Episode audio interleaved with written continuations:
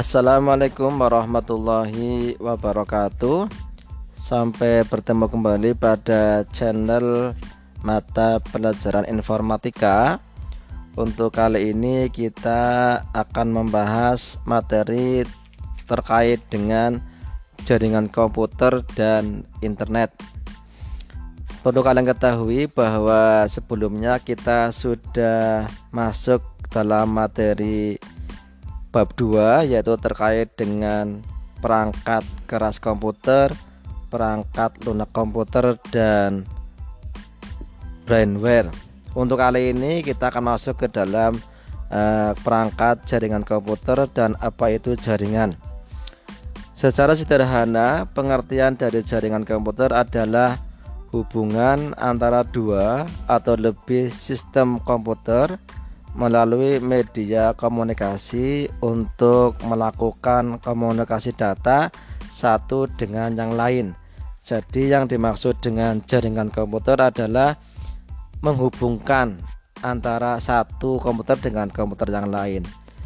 Kalau kita melihat dari pengertian tersebut, secara otomatis kita akan melihat berarti syarat terjadinya sebuah jaringan komputer minimal adalah dua komputer atau lebih. Ya karena kalau jaringan komputer ini adalah e, menghubungkan ya jadi yang dimaksud dengan jaringan komputer adalah hubungan antara beberapa komputer. Kemudian untuk bagaimana manfaat dari jaringan komputer ini? Jadi kalau kita membuat uh, beberapa komputer menjadi satu dan saling terhubung nah itu pasti ada manfaatnya ya ada manfaatnya. Manfaatnya apa? Yang pertama adalah sharing resource ya sharing resource. Apa itu sharing resource? Sharing resource adalah kemampuan untuk saling berbagi sumber daya yang kita miliki seperti pemakaian printer kemudian hard disk CD-ROM secara bersama-sama dengan saling bertukar data atau file sharing. Jadi kalau kita sudah memanfaatkan sebuah jaringan komputer untuk sharing data, sharing printer atau pencetakan itu bisa dilakukan. Beda dengan kita menggunakan personal komputer. Kalau menggunakan personal komputer, maka kalau kita mau berbagi data baik dalam bentuk data file ataupun berbagi printer atau berbagi mencetak sebuah uh, file itu harus menggunakan perantara. Di antaranya misalkan menggunakan flash disk menggunakan CD ataupun menggunakan DVD tetapi kalau kita sudah terhubung untuk komputer satu dengan yang lainnya itu komputer satu dan lainnya itu bisa memanfaatkan untuk kegiatan mencetak secara bersama, menyimpan file secara bersama, begitu. Kemudian yang kedua, manfaat yang lainnya adalah media komunikasi. Jaringan komputer memungkinkan terjadinya komunikasi antara pengguna baik untuk telekonferensi maupun untuk mengirim pesan atau informasi yang penting jadi kalau saat sekarang di pandemi ini dengan adanya jaringan komputer, adanya jaringan uh, media untuk kegiatan pembelajaran ini sangat terbantu sekali. Misalkan kayak kita menggunakan Google Classroom, menggunakan Microsoft Teams. Ini adalah bentuk sebuah jaringan ya, jaringan yang luas. Jadi kita bisa pembelajaran walaupun kita belajar di rumah antara guru dan siswa juga bisa saling berkomunikasi, saling e, bertukar informasi. Ya, jadi guru bisa mengajarkan, siswa bisa bertanya dan seterusnya. Kemudian selain dari e, media komunikasi juga bisa untuk integrasi data. Apa itu integrasi data? Integrasi data adalah jaringan komputer dapat men mencegah ketergantungan pada komputer pusat. Nah, jadi kalau misalkan ada data itu biasanya di eh, data-data uh, penting misalkan kayak data uh, keuangan, data dokumen-dokumen sekolah atau dokumen-dokumen negara itu biasanya dalam uh, penyimpanan datanya tidak dalam satu server tetapi dari beberapa server jadi terjadi integrasi data. Jadi kalau misalnya ada data yang rusak di server A itu masih ada backupnya masih ada kopiannya. Nah, karena setiap proses data tidak harus dilakukan pada satu komputer saja melainkan dapat didistribusikan ke tempat lainnya. Nah, oleh sebab itulah maka dapat terbentuk data yang terintegrasi yang mudah pemakai untuk memperoleh dan mengolah informasi setiap saat. Nah, itu manfaat dari penggunaan jaringan. Nah, nanti kalian untuk tugas pertama kalian nanti hasil eh, dari hasil mendengarkan apa yang Pak Guru terangkan, mungkin kalian nanti bisa ringkas. Yang pertama adalah meringkas apa itu jaringan, apa itu manfaat dari jaringan. Yang pertama, nanti mohon nanti ditulis pada lembaran itu masuk soal nomor satu. Nah, kemudian selanjutnya kerugian jaringan.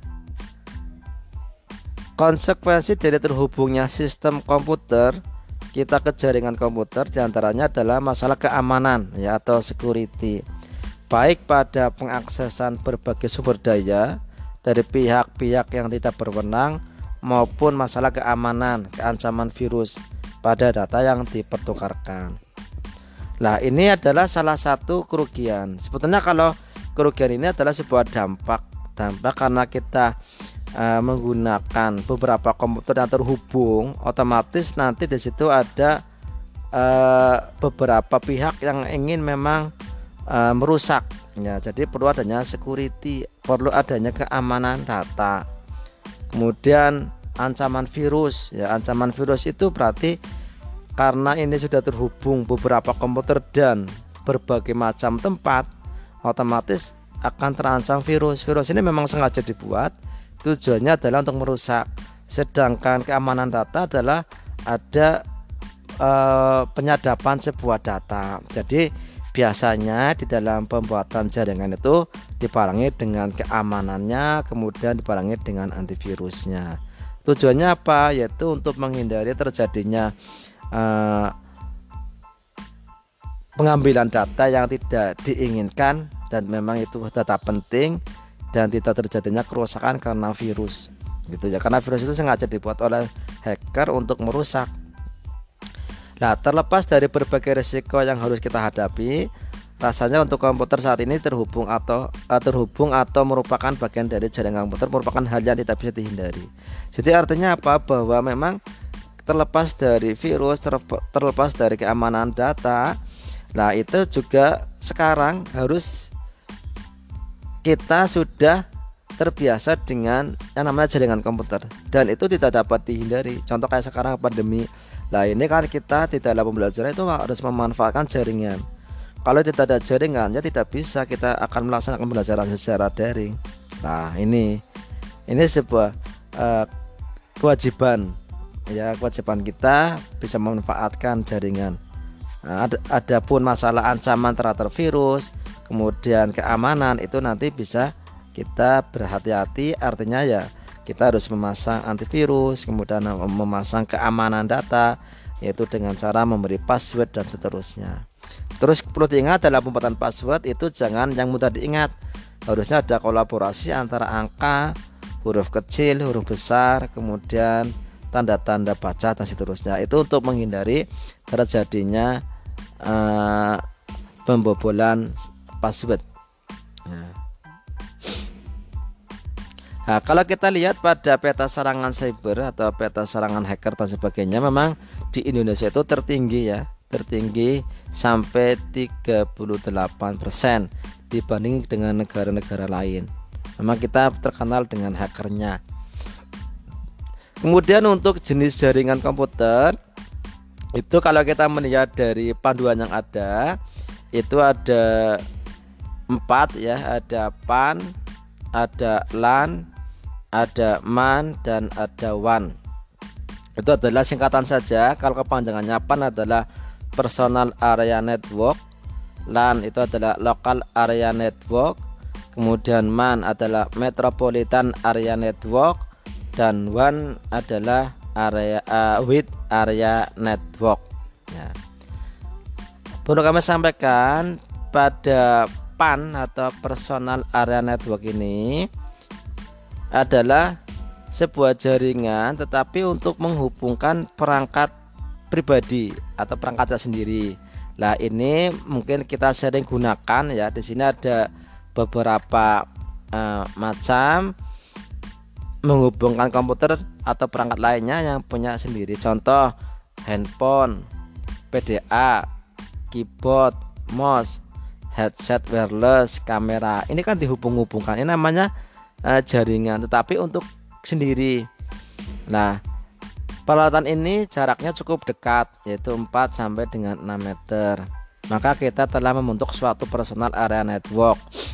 Hal yang paling penting bahwa dalam PAN ini kita sendiri yang mengendalikan atau otoritas pada semua peralatan tersebut. Selain dihubungkan langsung ke komputer lewat port USB atau fireware, PAN juga sering dibentuk dengan teknologi wireless seperti Bluetooth, maaf seperti Bluetooth, infrared ataupun WiFi.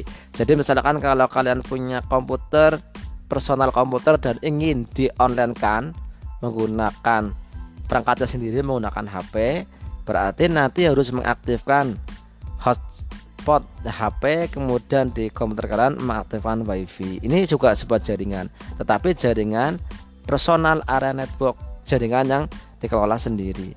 Ya. kemudian yang selanjutnya ada LAN. Ya, LAN. LAN itu apa?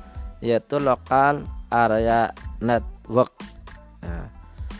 apa itu LAN? Nah, LAN ini adalah jaringan komputer yang sangat populer jaringan komputer yang mencakup wilayah kecil seperti jaringan komputer kampus, gedung, kantor, dalam rumah, dan sekolah. Jadi, misalkan di sini ada sebuah jaringan komputer dalam satu sekolah terkait dengan informasi sekolah dan diaksesnya hanya lingkup sekolah saja itu berarti disebut dengan LAN ya LAN LAN itu apa lokal area network karena terbatas pada area sekitar. Misalnya kita di SMA 2 Tegal ya kita areanya SMA 2 Tegal.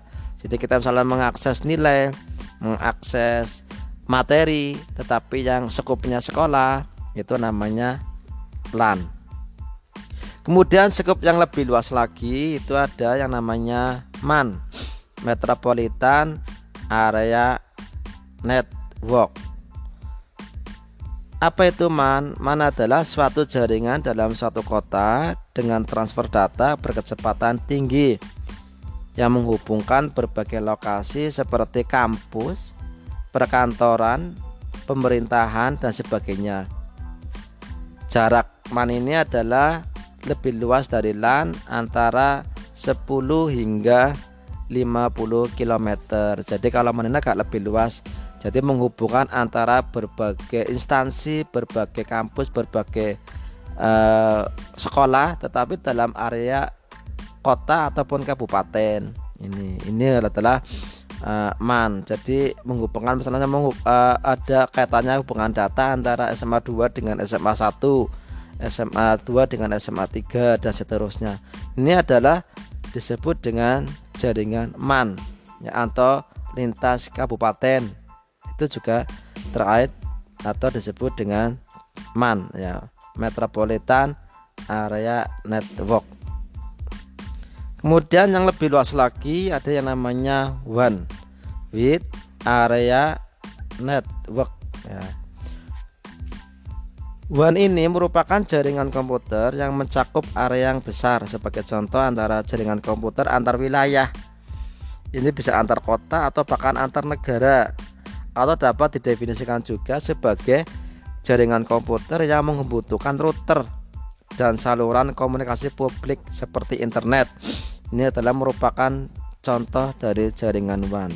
Jadi kalau jaringan WAN itu sudah jaringan global, hubungan antara personal dengan personal yang lain, hubungan antara sekolah dengan sekolah yang lain, antara perusahaan satu dengan perusahaan yang lain, atau sebaliknya sekolah dengan perusahaan dengan wilayah yang luas, dengan data yang besar, itu ada itu dinamakan dengan jaringan WAN bit area network. Untuk topologinya ya macam-macam. Ini adalah menggabungkan antara beberapa jaringan-jaringan jaringan yang ada. Kemudian nanti ada komunikasi data. Komunikasi data itu data tersebut bisa dari penyedia jasa internet ataupun yang lain. Dan jaringan sudah menggunakan jaringan mesh ya jaringan yang luas ini disebut dengan MAN. Maaf disebut dengan one with area network. Kesimpulannya kesimpulannya perbedaannya apa? Nah, perbedaan antara PAN, LAN, MAN, dan WAN perbedaannya secara pertama jangkauan. Jangkauannya kalau PAN itu 1 sampai dengan 5 meter sedangkan LAN itu jangkauannya adalah satu ruang atau satu instalasi. Kalau MAN itu kabupaten kecamatan WAN itu antar negara. Itu secara jangkauan. Kemudian secara bandwidth. Kalau bandwidth ini kondisional artinya bisa berubah-ubah. Nah kalau PAN ini untuk bandwidthnya itu antara 100 MB sampai dengan 1 GB Mbps. Artinya per, pergerakannya adalah 10 MB dalam satu detik atau uh, 100 Mbps megabyte per second. Sedangkan untuk LAN itu 100 Mbps sampai dengan 1 GB Mbps. MAN itu 56 kilobit per second sampai dengan 1 megabit per second kemudian kalau WAN itu 5 KB MKB per second sampai dengan 512 kilobit per second. Ini adalah bandwidthnya kecepatannya. Kemudian media yang digunakan kalau PAN ini lebih banyak menggunakan kabel baik itu UTP koaksial dan bisa juga menggunakan wireless. Ya wireless sedangkan LAN itu kabel UTP koaksial wireless hampir sama karena ini skopnya tidak terlalu luas. Nah nanti kalau sudah sampai ke MAN dan WAN akan berbeda. Kalau MAN ini biasa sudah sudah menggunakan yang terkini produk terkini adalah fiber optik ya. Sudah menggunakan serat kaca atau non plastik. Dan ini kecepatannya lebih lebih cepat. Bisa juga menggunakan wireless microwave ataupun bisa menggunakan satelit. Begitu juga yang WAN sama kemudian untuk IP nya IP itu adalah internet protokolnya IP address. Kalau untuk PAN ini menggunakan biasanya privat. Privat itu khusus untuk sendiri. LAN juga biasanya privat. Artinya untuk produk produk khusus untuk informasi-informasi khusus. Misalkan terkait dengan pembayaran terkait dengan nilai dan seterusnya. MAN juga sama privat tetapi kalau WAN itu sudah konsumsinya adalah publik umum. Siapa saja bisa mengakses. Kayak internet misalnya kita butuh data masalah apa? Kita lihat ya internet itu kan untuk datanya sifatnya publik umum. Bisa dibuka bisa di-download dan seterusnya. Kemudian topologi yang digunakan kalau PAN itu nggak ada topologinya karena untuk sendiri. Tetapi kalau yang LAN MAN WAN ini ada topologinya. Kalau LAN itu topologinya star kalau MAN itu adalah bus dan kalau WAN itu menggunakan irregular ya, itu untuk topologinya ah dari sini soal nomor 2 coba kalian uh, simpulkan apa itu man, lan, uh, man dan wan. Saya lagi untuk soal nomor 2 Kalian simpulkan apa itu man, lan, wan dan man. Kemudian perbedaannya apa? Mohon ditulis pada lembaran untuk soal nomor 2 Kita lanjut untuk yang operating system untuk mengolah suatu jaringan diperlukan adanya sistem operasi jaringan. Sistem operasi jaringan dibedakan menjadi dua berdasarkan tipe jaringannya, yaitu sistem operasi client server dan sistem operasi peer to peer. Jadi di dalam jaringan itu mengenal ada dua sistem uh, operasinya atau operating sistemnya, yaitu client server. Apa itu client server? yaitu jaringan komputer apa jaringan kom maaf jaringan komunikasi komunikasi data yang terdiri dari banyak klien dan satu satu atau lebih server. Jadi yang dimaksud dengan jaringan client server ini adalah hanya ada dua server dan klien. Server itu adalah induknya atau pusat informasi, sedangkan klien itu adalah penerima informasi. Nah, klien ini biasanya itu dalam bentuk laptop, dalam bentuk komputer ataupun dalam bentuk HP. Sedangkan server ini adalah komputer besar, komputer khusus yang disiapkan untuk memancarkan atau membuat broadcast untuk uh, penyiapan data yang dibutuhkan oleh klien. Nah, sedangkan sistem operasi yang kedua yaitu peer to peer ya peer to peer. Peer to peer ini sebuah work, work group di mana setiap komputer dapat berfungsi sebagai klien dan server dan sebaliknya server bisa menjadi klien. Jadi kalau peer to peer ini antara klien dan server ini mempunyai kedudukan yang sama. Jadi misalkan dari server A meng dan akan mengirimkan data ke klien B, klien B juga bisa menyiapkan data yang dikirimkan ke klien A. Itu tadi mempunyai kedudukan yang sama. Ini namanya peer to peer. Tetapi kalau client server tidak bisa. Kalau client server ya server menyediakan data, sedangkan klien itu adalah menerima data. Tetapi kalau peer to peer itu tidak bisa. Ah, maaf, kalau peer to peer itu bisa klien bisa menjadi server, server bisa menjadi klien. Nah, itu sistem operasinya. Ah, dari sistem operasi tersebut pasti ada yang namanya kelebihan dan kekurangan. Nah, untuk client server ini keunggulannya adalah kecepatan akses lebih tinggi karena penyedia fasilitas jaringan dan pengelolaannya dilakukan secara khusus oleh satu komputer server yang tidak dibebani dengan tugas lain sebagai workstation. Kemudian yang kedua, sistem keamanan dan administrasi jaringan lebih baik.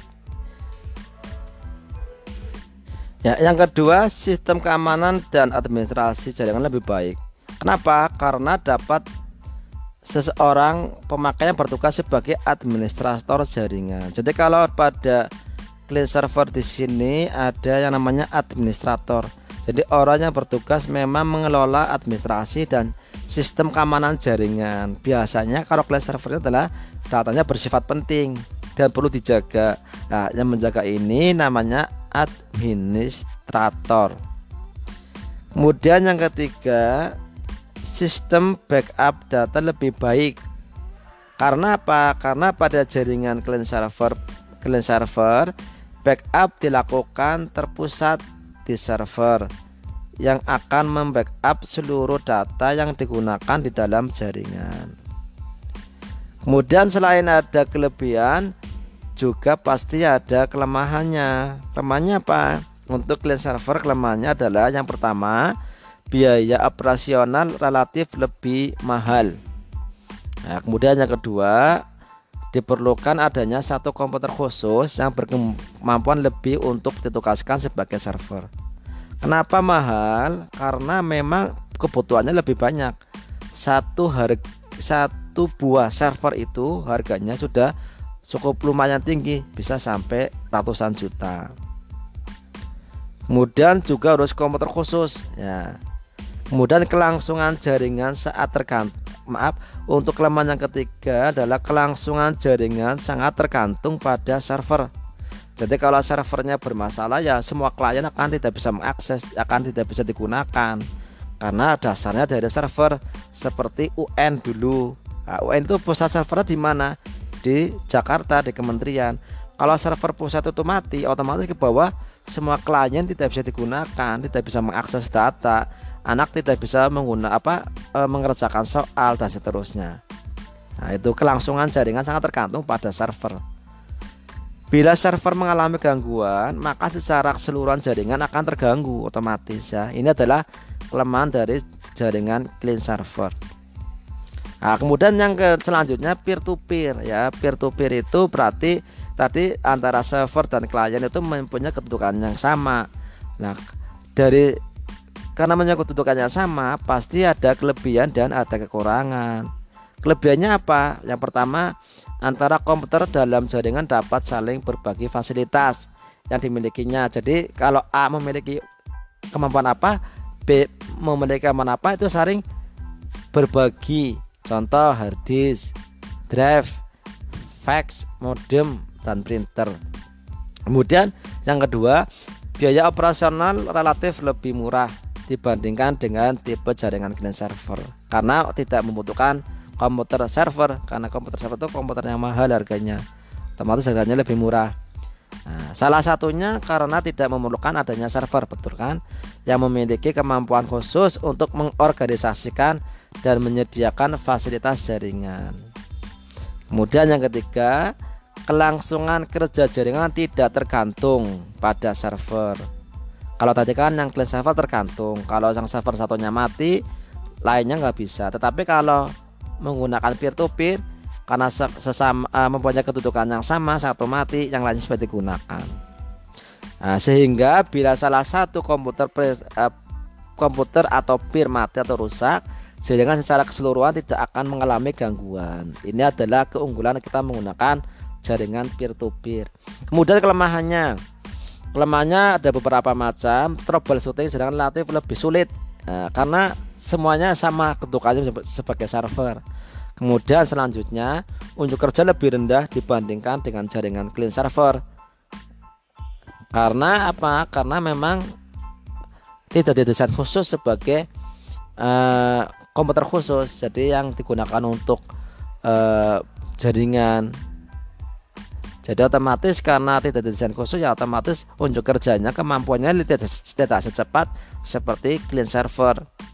Kemudian selanjutnya sistem keamanan jaringan ditentukan oleh masing-masing user. Jadi komputer itu akan aman tergantung eh, terhadap virus kemudian penyudupan data atau uh, hacker ya Nah ini ditentukan oleh masing-masing user, oleh masing-masing klien ataupun oleh masing-masing server. Yang keempat, karena data jaringan tersebar di masing-masing komputer dalam jaringan, maka backup harus dilakukan oleh masing-masing komputer. Ya, ini backupnya masing-masing komputer. Kalau tadi kan backup data dalam satu server. Nah ini salah satu kelemahan dari jaringan peer-to-peer. -peer. Oke. Uh, soal nomor tiga minta uh, soal nomor tiga kepada siswa nanti supaya meresum apa itu client server, apa itu peer to peer. Mohon diterangkan, kemudian nanti dijabarkan kelebihan dan kekurangan. Soal nomor tiga diteruskan pada lembaran kertas yang tadi kalian kerjakan soal nomor dua. Nanti kalian kerjakan untuk soal nomor tiganya. Kita lanjut komponen jaringan komputer. Komponen jaringan komputer itu terbagi menjadi dua. Ya, ada piranti pengguna akhir atau end user device dan ada piranti jaringan atau network device. Ya, piranti pengguna akhir itu apa? Itu hardware yang berhubungan dengan lang eh, berhubungan langsung dengan user seperti komputer, scanner, printer. Ini adalah piranti pengguna akhir. Nah, jadi langsung menggunakan kita uh, kayak komputer itu kan sarananya, sarana. Printer juga sarana. Scanner juga sarana, tapi sarananya langsung dinikmati oleh user, oleh pengguna. Tetapi ada piranti yang sebagai piranti jaringan atau network device. Nah, di sini macamnya banyak ya. Ada network interface card atau disebut dengan LAN card, ada repeater, ada hub, ada bridge, ada switch, ada router, ada konektor, ada modem. Ini adalah uh, network device. Kemudian media transmisinya itu ada kabel. Ya, kabel itu macam-macam, ada twisted pair, ada koaksial, ada fiber optik. Kemudian ada wireless.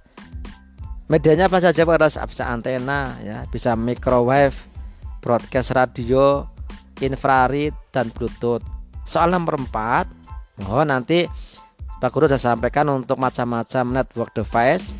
Mohon dari macam-macam network device tersebut mulai dari LAN card, repeater, hub, bridge, switch, router, konektor, modem jelaskan fungsinya. Ya soal nomor 4 jelaskan fungsi komponen-komponen uh, jaringan komputer untuk yang network device.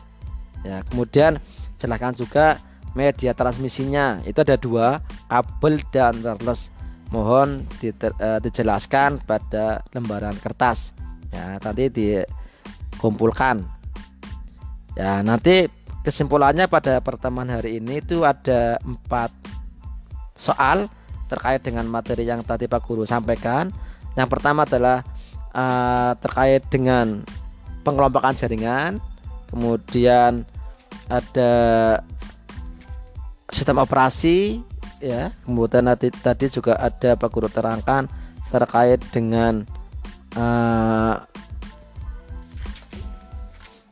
komponen-komponen dan seterusnya. Nanti mohon dicermati dari pertanyaan tersebut. Nanti hasil jawabannya mohon dikirim melalui Google Classroom yang Pak Guru siapkan di dalam uh, classroom di dalam Google Classroom yang ada di kelas 10 IPS baik IPS 1 sampai dengan IPS 5 itu saja untuk pertemuan kali ini. Semoga ada manfaatnya dan bermanfaat. Mohon dikerjakan jangan sampai terlambat karena kalau terlambat nanti kalian sangat terbebani karena nantinya banyak tugas-tugas ya. Nanti kalau sudah banyak tugas tidak mengerjakan akhirnya menjadi berat. Karena berat akhirnya tidak dikerjakan. Nanti endingnya nanti di penerimaan rapot kalian nilainya tidak tuntas lah itu kan cukup um, merugikan apalagi kalau nanti di akhir tahun kalau tidak tuntasnya banyak sampai tiga kemungkinan itu menghambat untuk kenaikan kelas kalian itu saja untuk pertemuan kali ini Pak Guru akhiri dengan bersama-sama berdoa semoga bermanfaat dan bersama-sama membaca hamdalah. Alhamdulillahirabbil alamin. Assalamualaikum warahmatullahi wabarakatuh.